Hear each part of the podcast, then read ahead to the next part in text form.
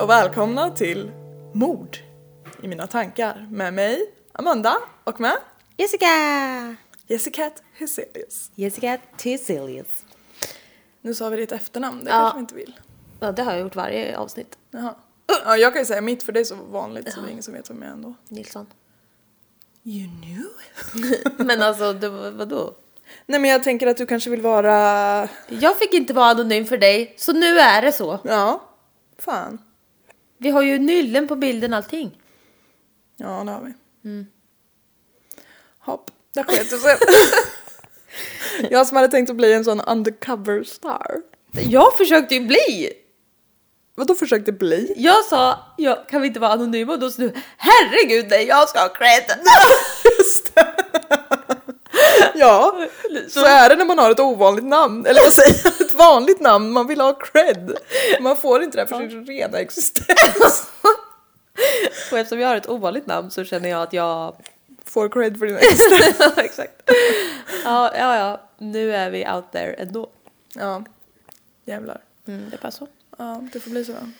Hur har du haft det idag? Semester och allt? Mm, jag har semester, det är bra. Mm. Jag har shoppat lite idag, jag shoppar ju lite eh, då och Friskt. Mm. då så att säga. Men den här gången föll jag för ditt grupptryck och köpte en linneskjorta. Ja, jag är en grupp. En hel grupp. För mig är du det.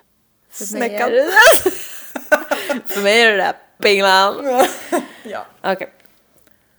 Eh, nej men det är bra, jag shoppar och eh, Lever life. försöker att inte göra det. Och sen så har vi ätit hemmagjord eh, pizza.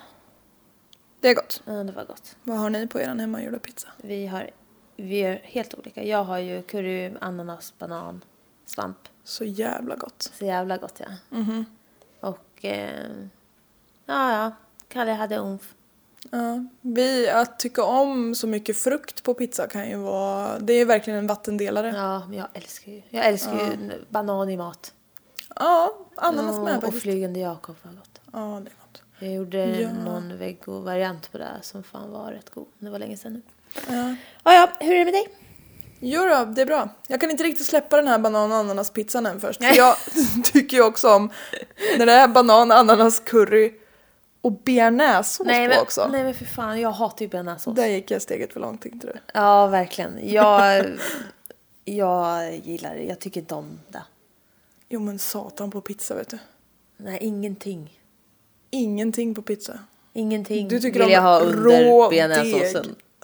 ja. Men ovanför däremot. nej. nej, nej, nej. Jag vill ha dig på en bädd av bearnaisesås. Men Ja, min det är värsta grej är ändå majonnäs. ja. Jag kan inte tänka mig något vidare typ. Men typ tryffelmajo Förutom- och sånt är ju i- på alla goa burgare. Men du tänker sån majonnäs som är på tub typ?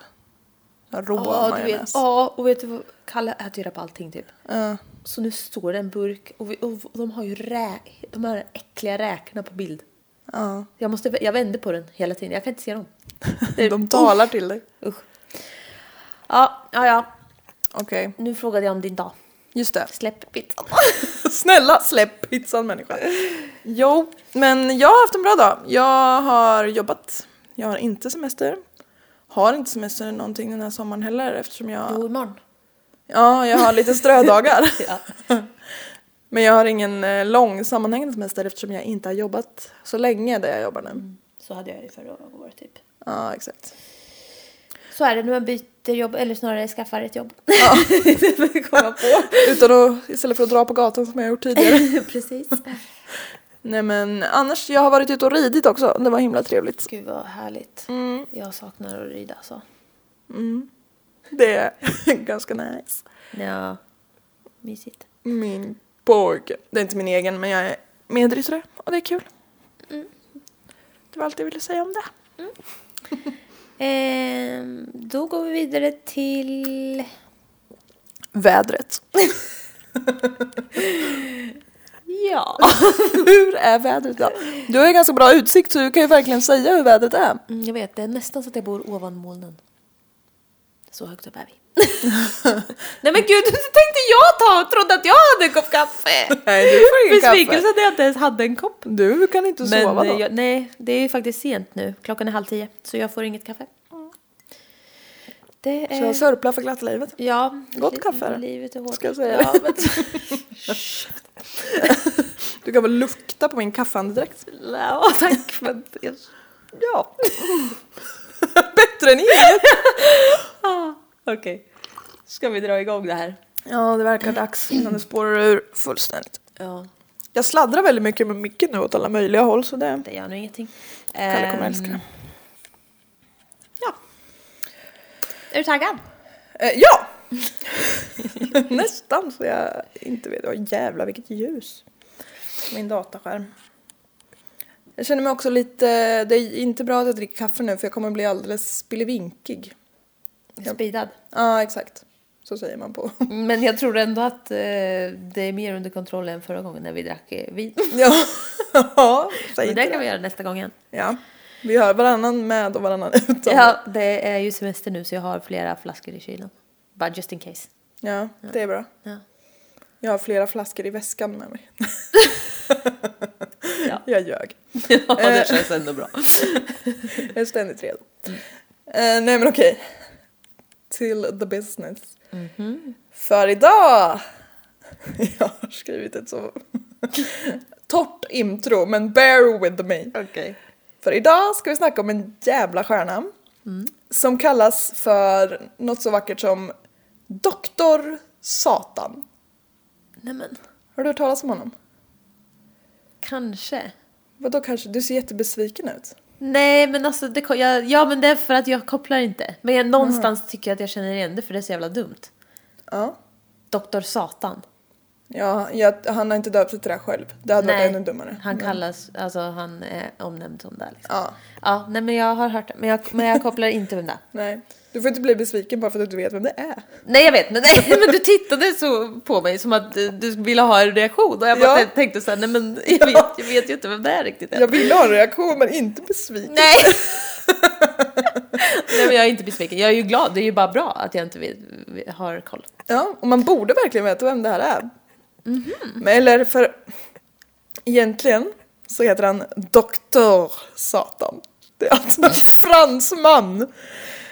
Ja. Och, helt plötsligt, nu håller du upp din hand lite och då ser jag framför mig att du har en liten basker, randig tröja och en baguette. Ja, Det, i jag ena tror att handen. alla fransmän ser ut så. Ja.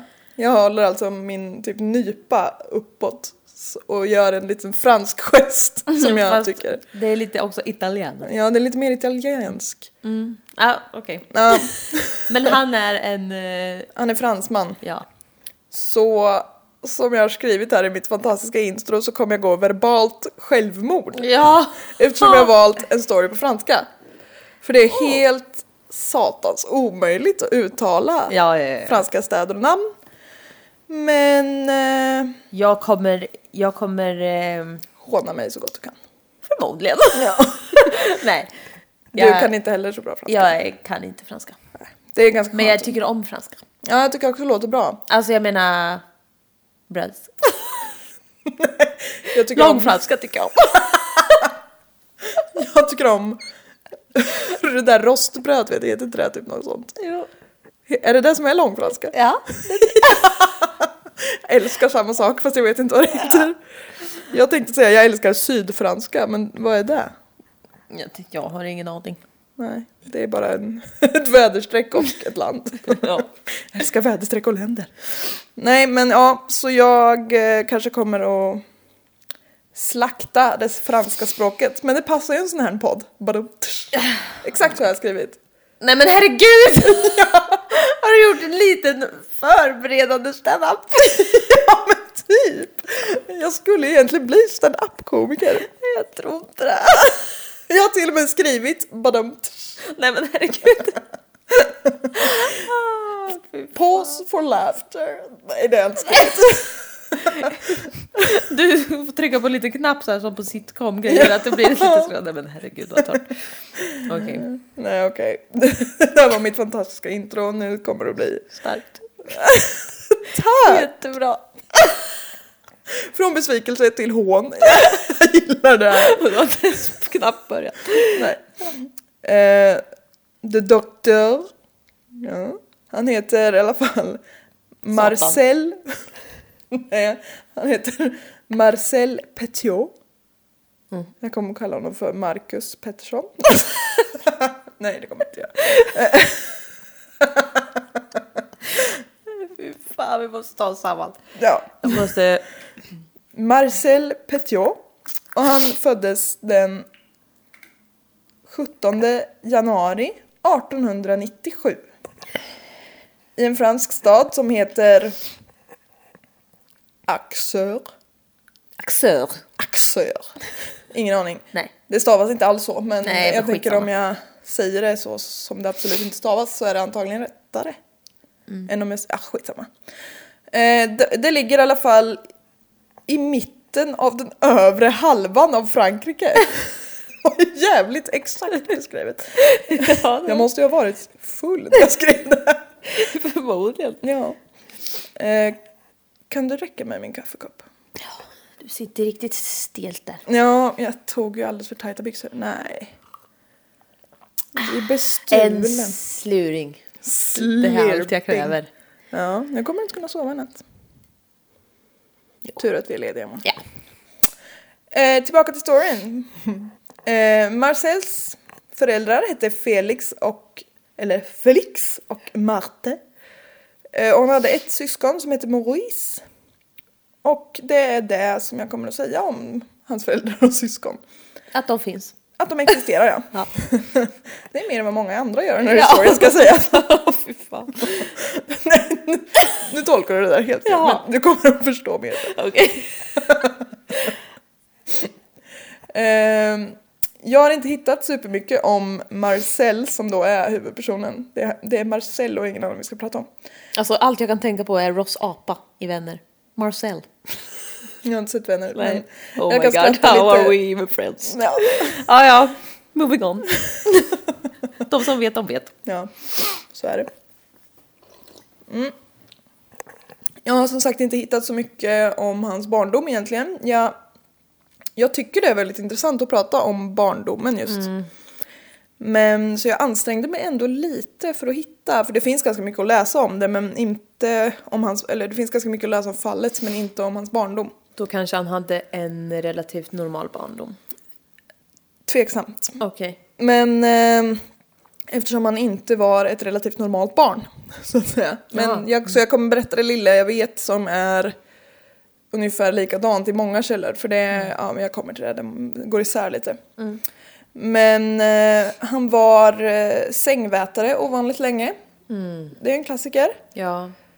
Eh, och han var också ett väldigt intelligent barn står det i typ alla källor och att det ska ha framgått väldigt tydligt. Så jag antar att han var svinjobbig helt enkelt och typ frågasatte allt och bara fattade saker som man inte ska fatta när man är barn.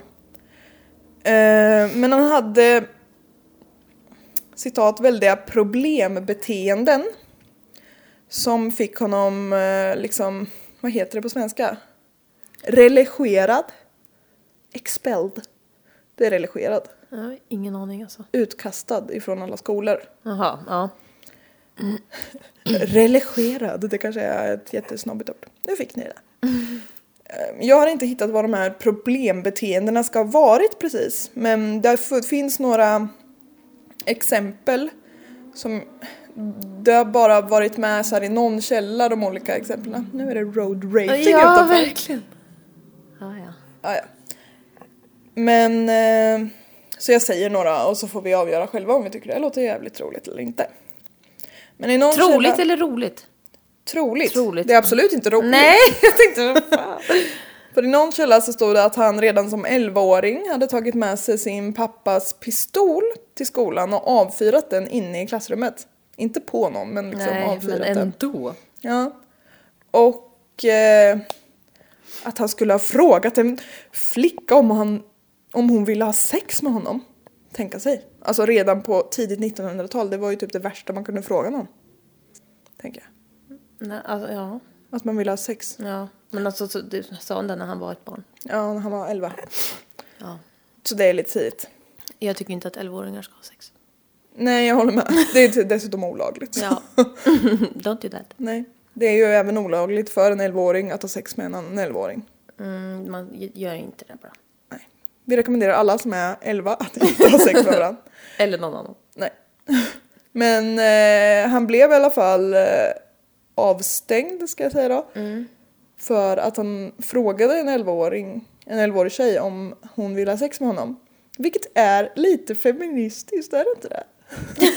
Nowadays hade man bara lägg av Svante. Nu så här och så blev han av, av med hela skolgången. Ja. Jag tycker det är ett feministiskt framsteg. ja. Jag vet inte hur, alltså 11-åringar, alltså de är små. De är jättesmå. Men alltså jag tänkte såhär någonstans, ah, fan han frågade ändå. Ja, det var ju vänligt av honom. Ja, nej, vi Det var bara en oskyldig fråga. Kom igen då. Jag skickar bara en kukbild, det var bara en fråga. Ja. Nej. Nej. Men eh, sen en annan oerhört fruktansvärd hobby som Marcel ska ha haft som liten var att han, bear with me now, stal nykläckta fågelungar Nej. Inte djur. ur deras bon, petade ut ögonen på dem och lät dem, eller liksom titta på när de kastade sig mot väggarna i en liten bur. Be- Skulle fågelungarna titta på, de hade ju inga ögon. Han tittade på fågelungarna. När de, kastade sig själva Ja. mot väggar. Ja, i en liten bur.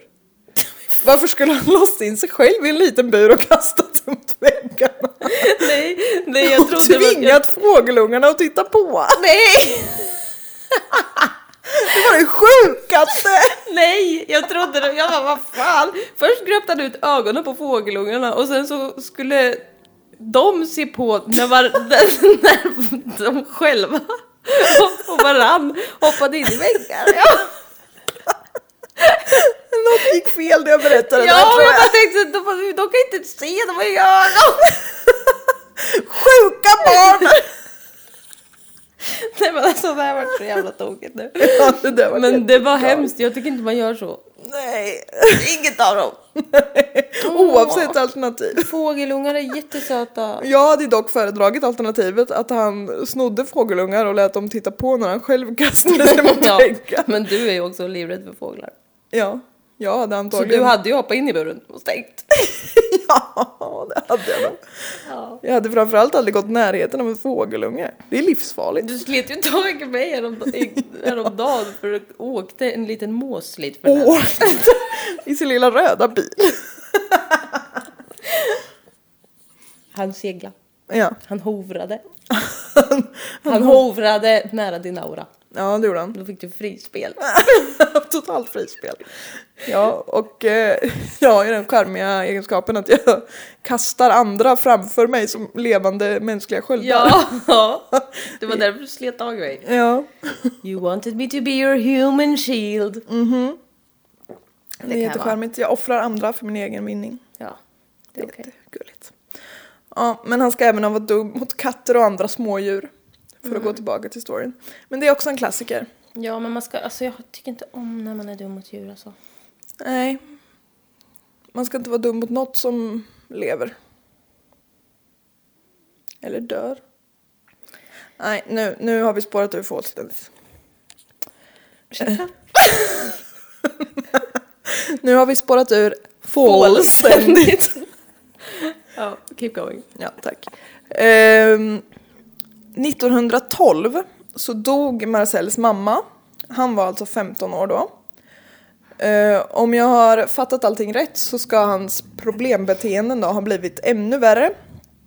Och de kommande två åren så ska han ha sysslat med lite allmän vandalisering, självcitat där, snatteri och stölder.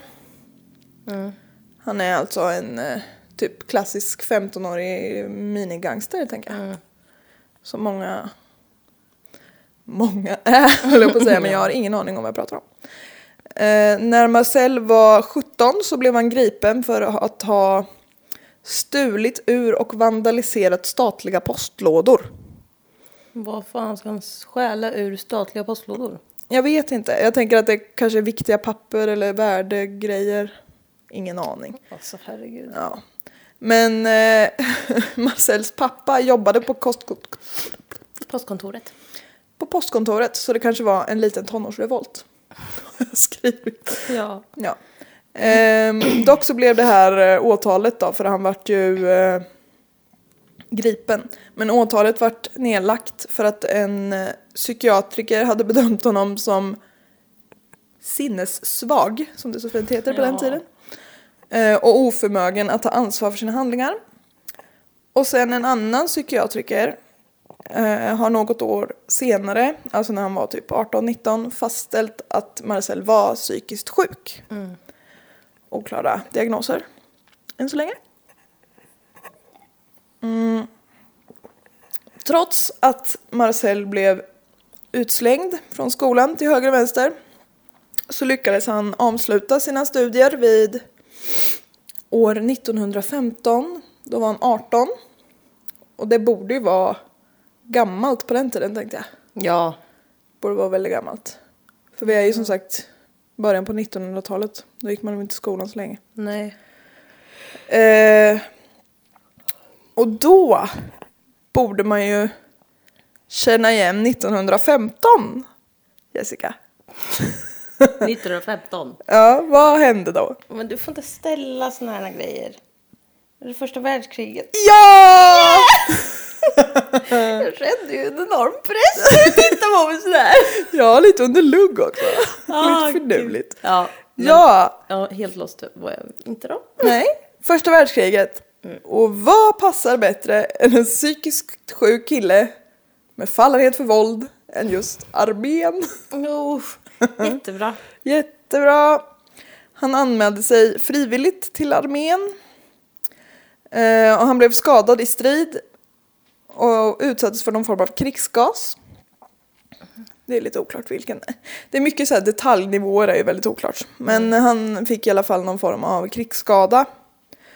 Och så blev han satt på Rest Homes, stod det att det hette. Så jag antar att det fanns lite så här små hem här och var i Frankrike där eh, de i armén kunde vila.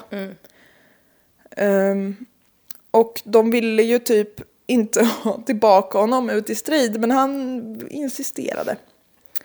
Och på sådana här eh, rest homes så började han visa tecken på mental kollaps. Ehm, och de kunde liksom till slut inte ha kvar honom på de här rest homesen för han stal olika militära egendomar. Framförallt filtar. Som han tydligen gillade mycket. Eh, Jag kan ändå relatera till mental kollaps och Ja. vill jag ha väldigt många filtar. ja, men det är väldigt återkommande i källorna att han stal väldigt mycket military blankets. Så man bara, ja, ja. Men alltså jag tänker så här, när man har ett par stycken... vad ska man med fler? Ja, exakt. Han kanske skulle sy något. Ja. Han kanske sydde... Han kanske skulle sy världens största lapptäcke. Han kanske hade ambitioner. Ja. Men ehm, nej. Till slut, eftersom han stal så väldigt många f- filtar, så fick han sitta i fängelse i Orleans. I några månader. För allmän Han filtstöld. låter ganska sorglig. Ja, jag lovar att det blir värre. 1918 så satt han inne på ett mentalsjukhus. Och doktorerna sa att han led av flertalet psykiska sjukdomar och kleptomani. Kleptomani är återkommande. Eh, men franska armén tyckte inte att det gjorde så jättemycket att man led av massa psykiska sjukdomar och kleptomani. Så de skickade ut honom på fältet igen. Och då gjorde han en eh, sån här riktig klassiker och sköt sig själv i foten för att slippa vara med i strid. Men han ville ju det. Ja, först, men nu har han ändrat Nu sig. har han ändrat sig. Ja, nu vill han inte vara med längre. Han fick ju nästan en mental kollaps får du tänka. Just det. Ehm, efter ett par veckors behandling så har han varit bra i foten igen. Tyckte franska armén att vi skickar ut honom i strid igen. ja. ja. Så nu är han för tredje gången ute i fält men till ett annat regemente. De var uppenbarligen desperata. Ehm, när Marcel fick sina diagnoser, lite, det är lite oklart vilka, men kleptomani är återkommande. Av ännu en ny läkare nu så gav franska armén till slut upp och han fick lämna armén med sån här militär pension eller vad det heter. Och det är nu som det sjuka börjar så smått. Det är en eh, sakta stegrande skala så att säga. Men eh, efter att Marcel lämnat armén så rekommenderade arméns psykiatriker, läkarna där alltså, att han skulle sättas in på ett mentalsjukhus. Men istället så praktiserade han på ett under tiden som han utbildade sig till läkare. Nej. Men, nej. Men, De- Du borde bli placerad på ett mentalsjukhus. Ja, men jag kände inte riktigt för det här, så jag kan praktisera på ett. Ja. Vad bra. Eh, men på den här tiden i alla fall, alltså tidigt 1900-tal, slutet på första världskriget skulle jag tro. Eh, så fanns det något som hette typ så här speed education så att man liksom, för det var mycket unga män som gick i s- krig så att man skulle kunna komma ifatt de jämnåriga som inte hade stridit så att man ändå skulle få utbildning och komma ut på arbetsmarknaden snabbt. Eh, supergod tanke kan man tycka. Men då på åtta månader så har Marcel fått en eh, läkarexamen. Nej, men nej. Det känns lite väl. Det känns lite väl. Ehm, så han skuttade glatt iväg till Villeneuve-sur-Yonne. Ja, okej. Ja, det är alltså en ort. Och, och öppnade läkarpraktik år 1921. Eh, han stal pengar friskt från både staten och sina patienter. Nej. Jodå. Eh, han hade även ett, vä- ävlen, även ett eh, väldigt trevligt sätt att eh, skaffa stammisar till sin läkarpraktik. Genom att skriva ut lite för mycket morfin till dem. Så att de vart beroende. Då kommer de tillbaka vet du. Ja. Han eh, tog även själv friska doser morfin för att lätta upp vardagen. Det är bra. Han låter som en fantastisk läkare. Ja. Och det här kommer få dig att tycka att han är typ ännu bättre för han utförde även illegala aborter som en liten specialitet. Ja. Ja. Jag kan tänka mig, det var ju för sig bra för de som vill eh, bli av med fostret men det var ju kanske mindre bra bra sätt de blev av med dem på så att säga. Eh, Marcel lyckades på något bli, vis bli omtyckt och respekterad i den här stan som jag nyss nämnde, som jag inte ska säga igen. Eh, och 1926 så bestämmer han sig för att ställa upp i valet som borgmästare. och då går alla våra tankar direkt till Joe Exotic i Tiger King. ja, faktiskt. Skillnaden från Tiger King här är ju att Marcel vann valet. Jaha. Han eh, hade anlitat en kumpan som störde debatten med hans motståndare, så då vann han. det är jättemärkligt. Ja, han kör helt enkelt. Ja, eh, han verkar vara en sån som kan... ha- Han är charmig liksom. Han har len tunga. Men eh, även i politiska sammanhang var han såklart en eh, fifflare. Och eh, han mätte det mest sin egen mun ur statskassan och stal friskt ifrån allmänna medel. Och ingen märkte något. Jo, Ja. Men under tiden som Marcel var borgmästare så fick han, nej, han gifte sig först med Georgette Lablais. Hon kanske inte hette Lablais, men typ. Och eh, något år senare, 1928, så föddes ett litet gossebarn. Och såklart finns det jättelite info om både den här sonen och eh, henne, men Eftersom det är just det här sammanhanget så kanske det känns bra för dem. Mm. Sonen hette i alla fall Gerard. Det tycker jag är ett ganska fint förnamn. Det kan jag rekommendera till ditt barn. Gerard. Okej. Som inte existerar, ditt barn alltså. Eh, 1931 så hade Marcel varit borgmästare i fem år. Han är 34 år gammal nu. Eh, men nu hade den lokala prefekten, det vet jag inte riktigt vad det är, men det är kanske någon som håller koll på politikerna. Eh, den här personen hade i alla fall fått in så många klagomål eh, att Marcel, på att Marcel stal och fifflade att de eller att den här prefekten avsatte Marcel, han fick inte vara borgmästare längre.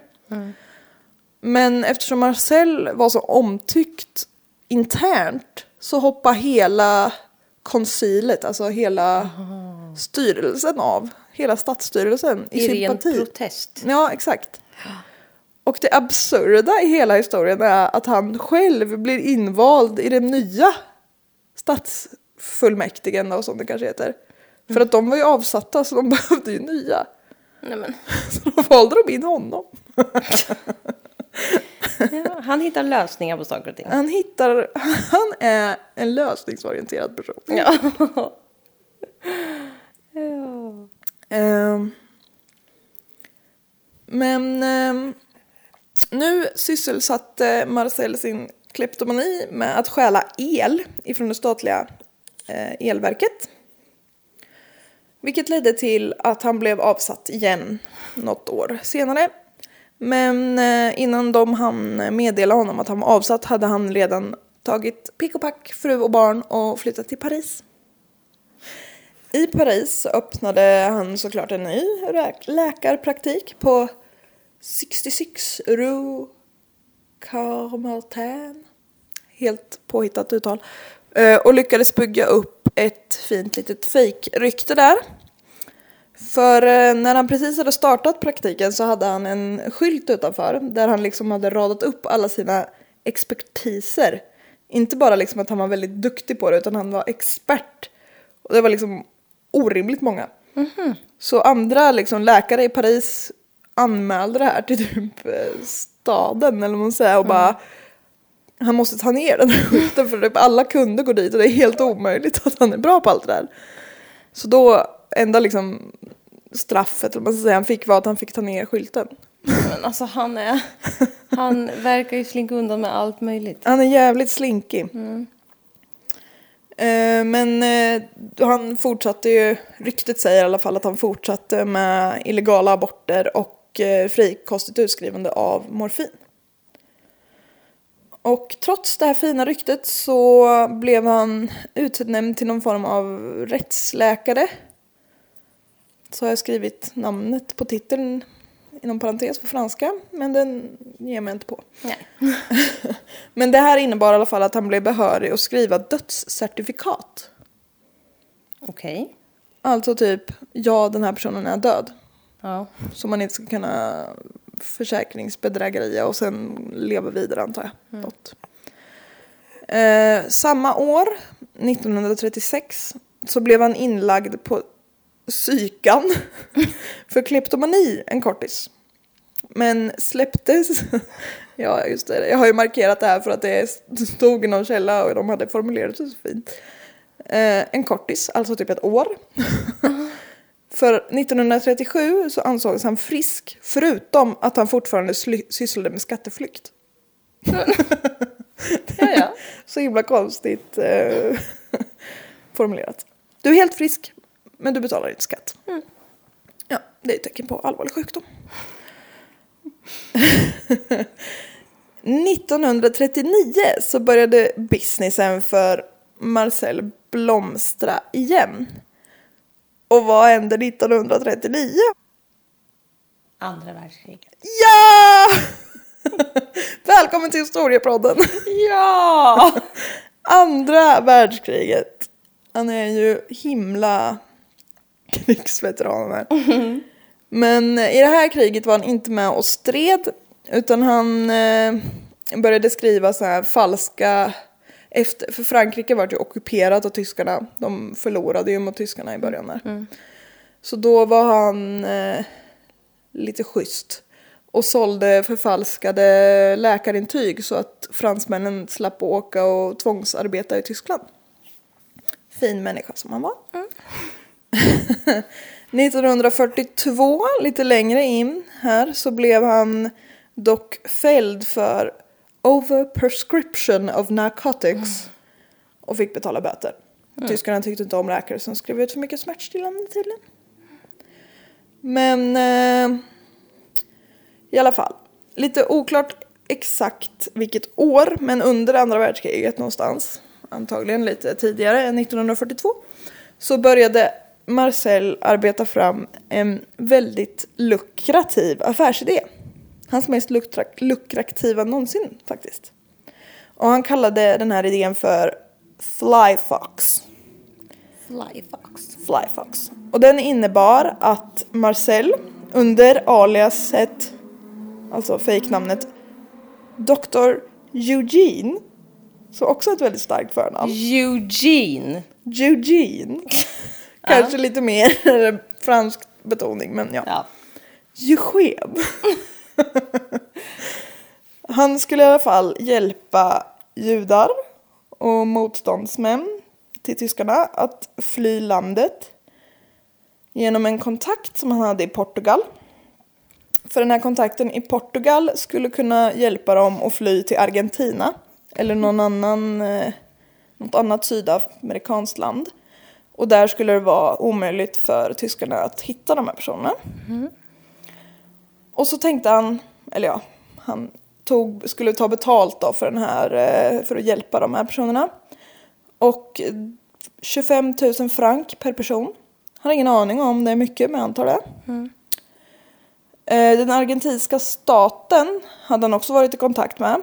Och de gick med på det här under förutsättning att de var vaccinerade när de kom. Alltså de som ville fly. Eh, Så de som ville fly skulle komma till Marcells praktik och där skulle han hjälpa dem att vaccinera sig, skriva intyg på det här som de kunde visa upp och sen skulle de liksom direkt därifrån följa med den här portugisiska kontakten och han skulle lotsa dem vidare till Argentina. Ja. Jättebra idé. det lilla problemet är ju dock att han inte alls hade varit i kontakt med argentinska staten och att den här portugisiska kontakten inte kunde ordna någon resa till Argentina och det är främst för att han inte existerade. ja. Den lilla detaljen. Den pyttelilla detaljen. Vad Marcel istället gjorde var att han vaccinerade dem med cyanid. Ah. Vad skönt för dem. Mm. Och eftersom de trodde att de skulle direkt till Portugal efter att de hade varit där och vaccinerat sig så hade ju de alla sina belongings, alltså ägodelar och så med sig. Så kunde de bara ta dem.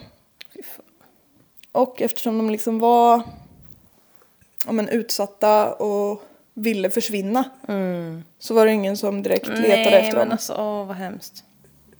Så han liksom gjorde reklam för att han skulle rädda livet på dem och istället var det han som dödade dem. Mm. Det är Men alltså så vidrigt. Han, han bara, de dog direkt när de fick injektionen med cyanid. Det var, f- eller? Jag har faktiskt skrivit om ett litet, en liten så här death by cyanide, hur, hur det liksom är typ. Lite vetenskaplig fakta bakom cyanid där. Eh, Cyanid gör så att, eh, för cyanid är ju ett ganska eh, klassiskt gift att döda någon med. Ja, jag tänker bara på cyanidkvinnan. Ja, men exakt. För cyanid gör så att kroppens celler inte kan ta upp syre. Åh fy. Fy fan. Syre är ju som bekant mycket viktigt för alla celler. För de förbrukar väldigt mycket cell- syre under kort tid och har inga, i- alla cellerna har liksom inga reserver av syre. Så därför, det är därför det går så jäkla fort om man eh, blir förgiftad med cyanid. För cellerna kan inte ta upp syre och då dör cellen liksom. Och det går jättefort. Och den direkta dödsorsaken är antingen kvävning eller hjärtstopp för att så pass många viktiga celler dör så fort. Ja, Så man kan typ säga att hjärtat dör. ja, åh fy. Ja, jätteäckligt. Eh, typ ett halvt gram cyanid kan döda en fullvuxen man. Stora doser är dödliga inom loppet av sekunder. Och symptomen är typ illa, eller till exempel illamående, kräkningar, amnöd, kramper och sen koma. En snabb men inte speciellt lindrig död. Nej. Så där eh, utsatte han ju de här stackars offren för. Och det är ju ingen som har eh, överlevt. Så man vet ju inte hur stora doser han... eh, Mm, Nej. Men eh, hur många var det då? Vi kommer till det. Men eh, till en början i alla fall så dumpar han kropparna i den här eh, Mm-hmm. floden som ringer inom Frankrike. Seine eller vad det är. Jag tror den uttalas Seine. Eh, Det är i alla fall en jättekänd flod som går genom Frankrike. Genom Paris med Genom hela Frankrike. Eh, Men senare, senare så kom han på att det var mycket bättre att han brände upp dem i en stor ugn som han hade i källaren. Eller löste upp dem i osläckt kalk. Då ser jag hur du tänker, vad fan är osläckt Ja, kalk? exakt. Så då har jag självklart en liten förklaring på det. Osläckt kalk, det är som ett vitt pulver som när det kommer i kontakt med vatten blir extremt frätande. Och det här ska även användas för att avrätta judar av Mm. Mm, tyskarna liksom. Och de, jag läste något jätteäckligt litet bokkapitel, jag tror det var skrivet av någon som hade varit med under förintelsen men att de, de typ tvingade in massa stackars stackars människor i såna speciella rum, typ som gaskammare antar jag. Mm. Och så låg det massa sånt vitt pulver på golvet och så liksom satte de på typ duschar. Nej men fy, och sen bara frättes det. Ja. Så fruktansvärt Men äckligt. Fan alltså. Eh, Så det använde han för att bli av med kropparna. Marcel hade också tre medhjälpare ish, som liksom spred ryktet om honom. Att om den här kan hjälpa dig, den här mannen kan hjälpa dig och fly landet. De hette Raoul Fourier, Edmond Pintard och René Gustave Nezonde. Det var ändå lite snyggt. Ja. Ja. och det var i alla fall i- typ, nej inte typ, det var i alla fall de här som till slut läckte till Gestapo, alltså den tyska polisen. Ja. Och efter tortyr så erkände de att doktor Eugen egentligen var då Marcel Petiot. Och eh, innan Gestapo hade fått tag i de här eh, medhjälparna så hade de skickat in en eh, mullvad liksom som skulle försöka ta reda på vad det här var.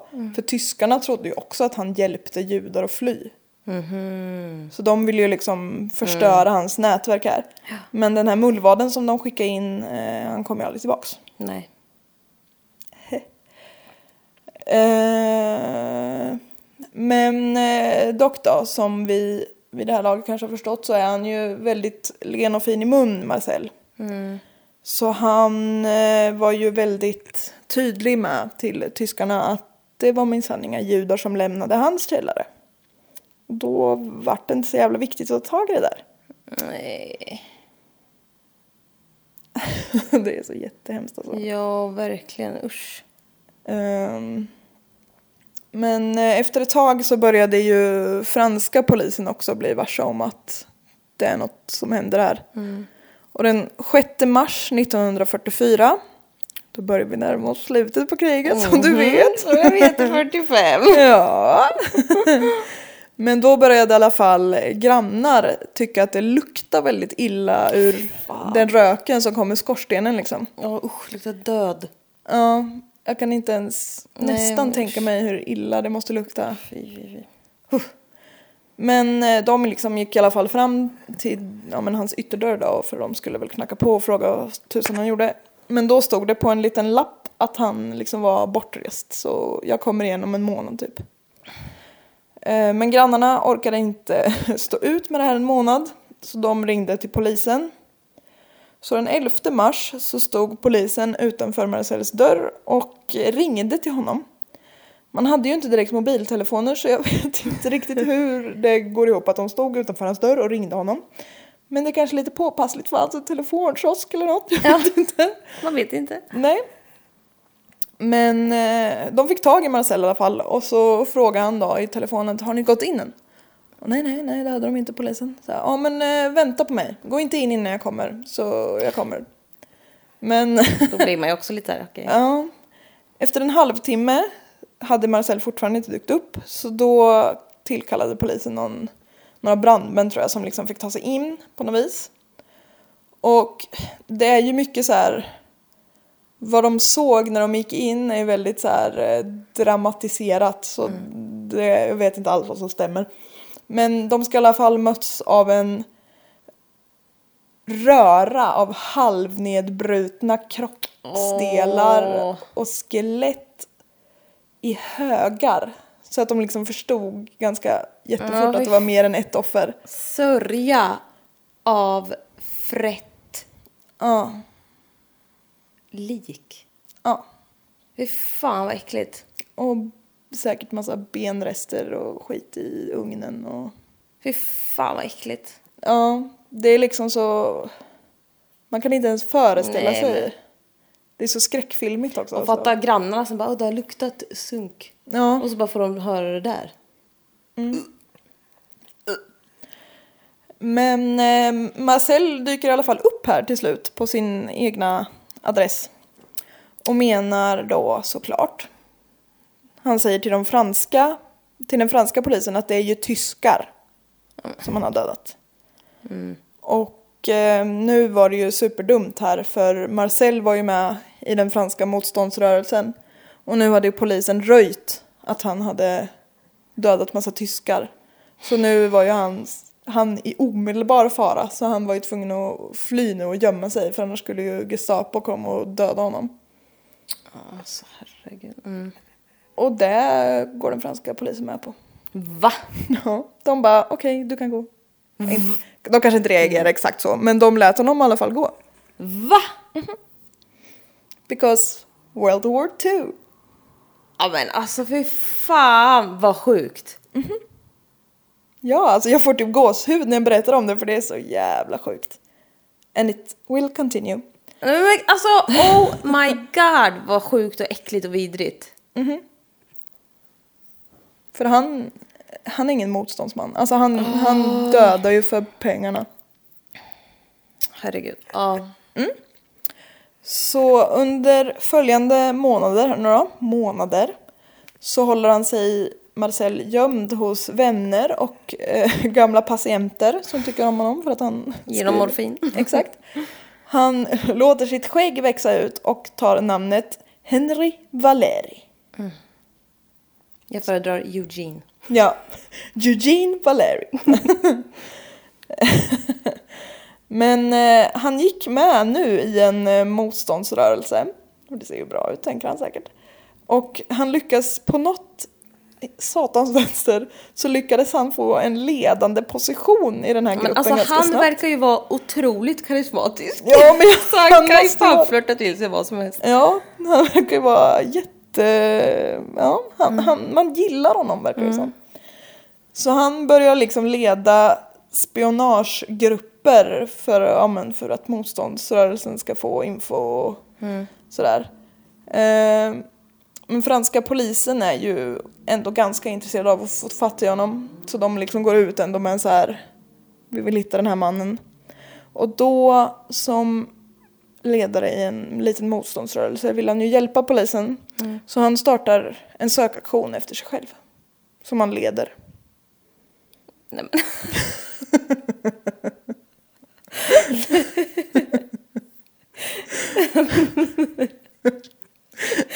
Det är så jävla dumt. Ja.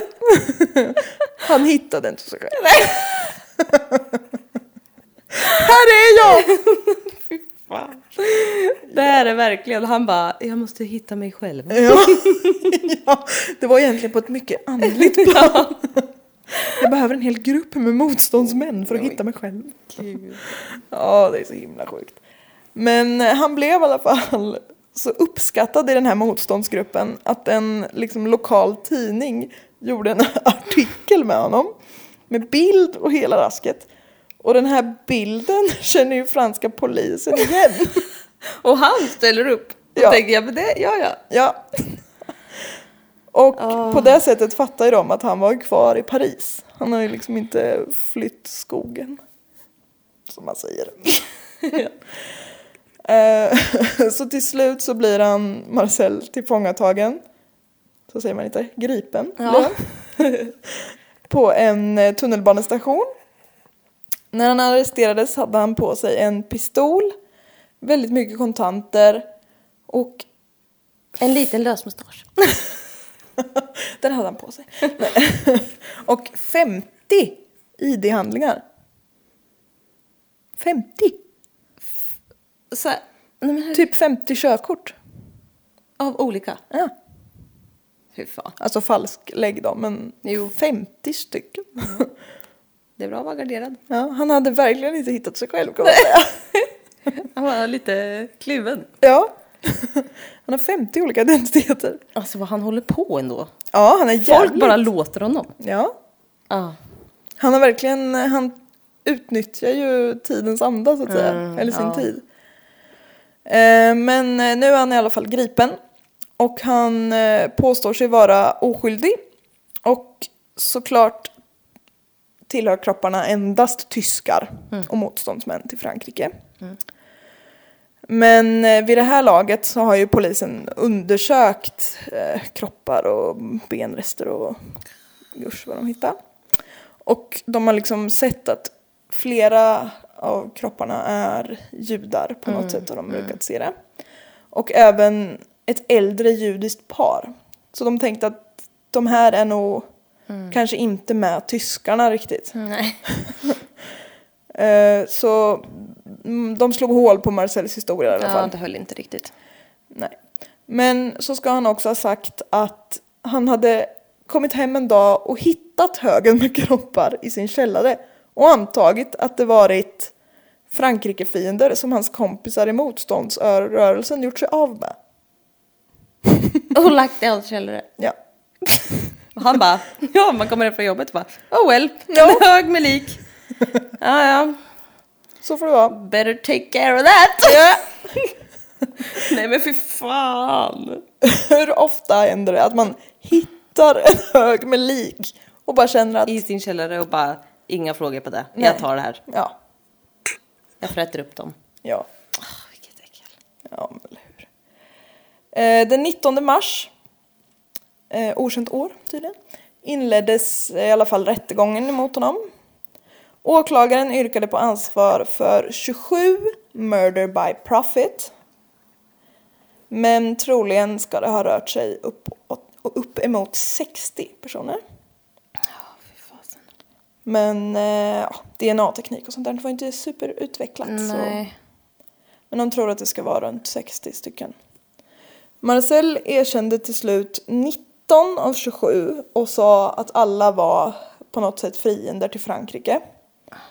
Och hans advokat försökte ju måla upp honom som en krigshjälte och att han hade gjort det här för Frankrike och lalala. Men eh, det var det ingen som gick på. Nej, skönt.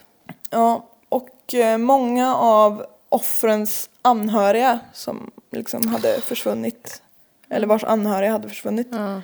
de hade anlitat advokater som var med på den här eh, rättegången och förde talan emot Marcel liksom. Antagligen stämde honom på pengar eller något. Eh, men Marcel menar ju då att supermånga av de här hade han ju hjälpt till Argentina. Så de fanns där under annat namn. De bara liksom hade inte kontaktat sina släktingar.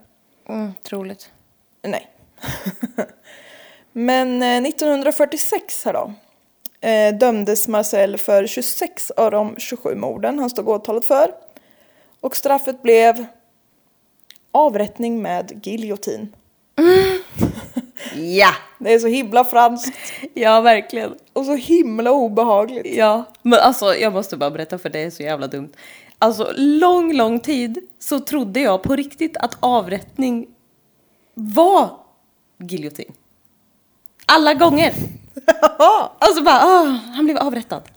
Jag har Alltid sett mig framför mig en giljotin. Jag vet inte varför, det är så jävla konstigt. Även alltså typ in America, they... Ja, hela tiden. Ja, ja. Tills, alltså, tills jag var lite för gammal. Men eh, Det är typ... jag vet ju nu att det kan vara olika. Ja. Cyanid, på tal om avrättningar, var vanligt att man avrättade med i USA back in the days. Antagligen så extremt stora eh, doser att man dog någorlunda fort hoppas jag. Men men, det var ett litet sidospår. Eh, det här är ju också en liten f- f- fun fact. Tanken var att Marcel skulle bli avrättad runt den 20 maj 1946. Då får vi ändå komma ihåg att han, eh, rättegången inleddes, inleddes den 19 mars 1946. Så det går fort där. Oj, ja. Ja. Eh, tanken var som sagt att han skulle bli avrättad runt den 20 maj men de fick vänta till den 25 eftersom ut, det var lite problem med utlöpningsmekanismen på giljotinen.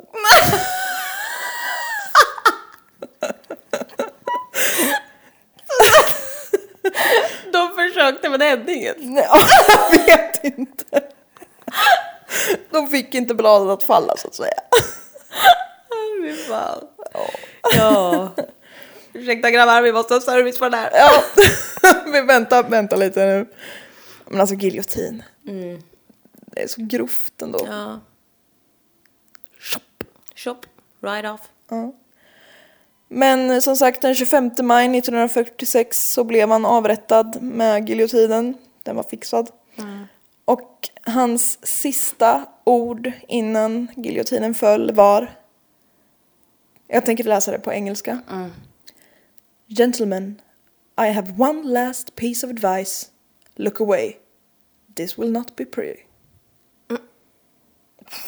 Vilken jävla tönt. Jävla dumt. Det var storyn om Marcel Petiot. Nej, jag hade inte... Jag hade ingen aning om det här. Visst är det ganska sjukt att man inte hade en aning om det? här? Ja, verkligen. Han har alltså typ dödat 60 judar ja, eller Mm. människor överlag som ville fly Frankrike. Så jävla sjukt.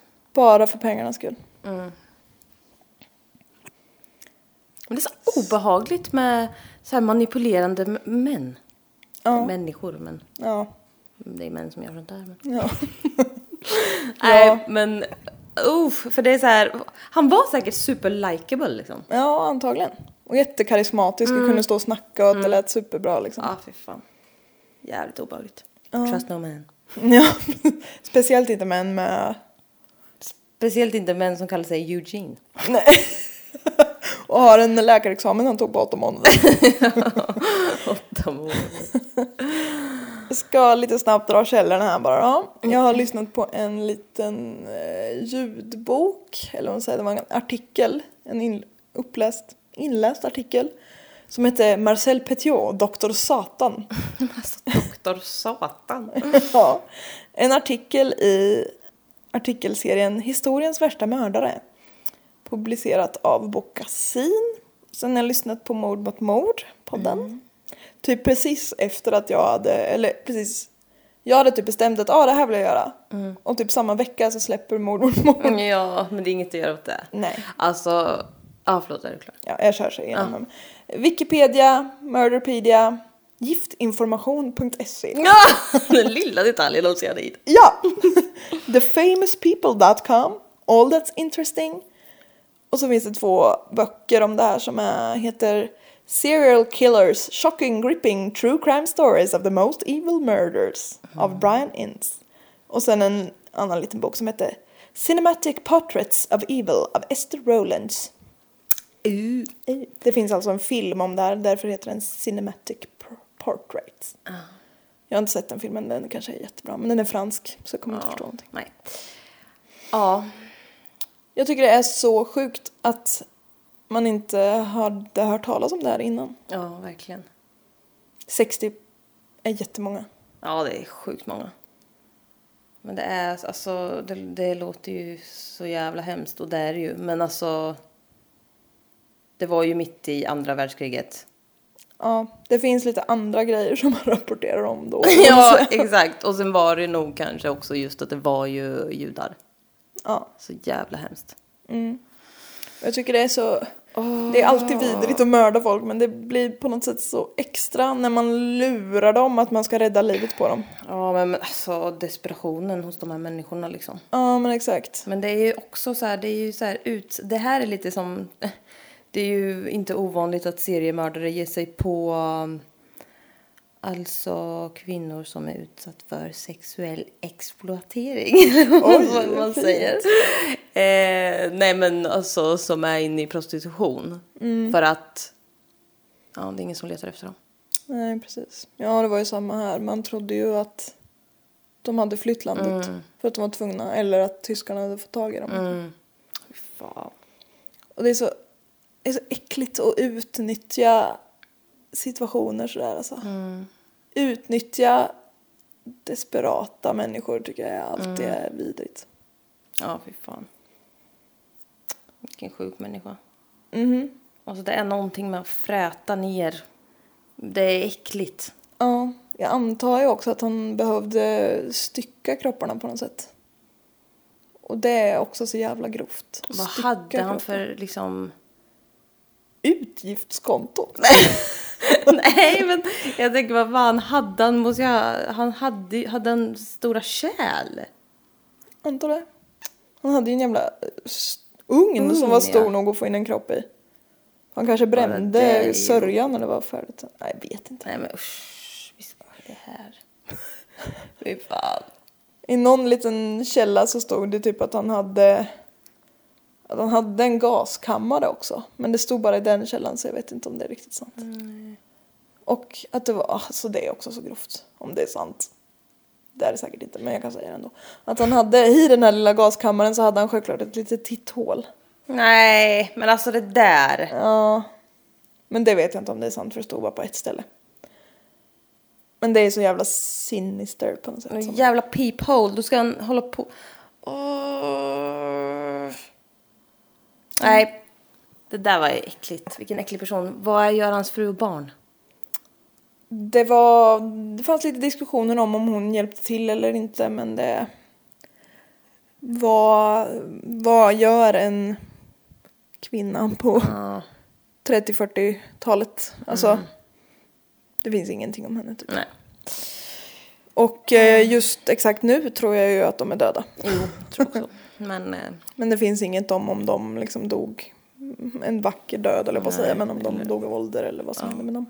all right. Han var i alla fall typ 40 någonting när han blev avrättad. Mm. Det finns en bild på honom som jag inte kan visa för jag har inget internet. Men han, ser, han är så obehagligt lik Jan Guillou. Nej, men, Men det är bara på en bild. okej. Ja, ja. Jag kan ta fram den på min telefon. Ja, det kanske. kan du göra. Åh, herregud. Allas vår vän Jan Guillou. Ja, precis. Ja, nej men det här var spännande. Men vad sjukt alltså. Det är någonting med folk som... Ja, vilken, ja väldigt sjukt. Och så många liksom. 60 personer. Det är många. Ja. Man fattar ju att det hamnar i skuggan av förintelsen liksom. Men Såklart. det är ändå extremt många. Förintelsen alltså. Fy fan, det var... Det var ett event. Ja. Herregud. Det är för stort för att göra ett podd också. Ah, vi- vi ska inte göra en mordpodd om Förintelsen. Nej gud. Fan. Det får vara en hel egen podd. Såna fall. Fan. Ja, nej. Kolla på den här bilden. Vi ser han ut som jag Jo. ja. Ja. ja. Men den klassiska bilden på honom som man har när man Men typ... alltså, doktor Satan. Ja men du ska få se, han ser ut som en riktig satan. på den bilden. Alltså den där. Ja.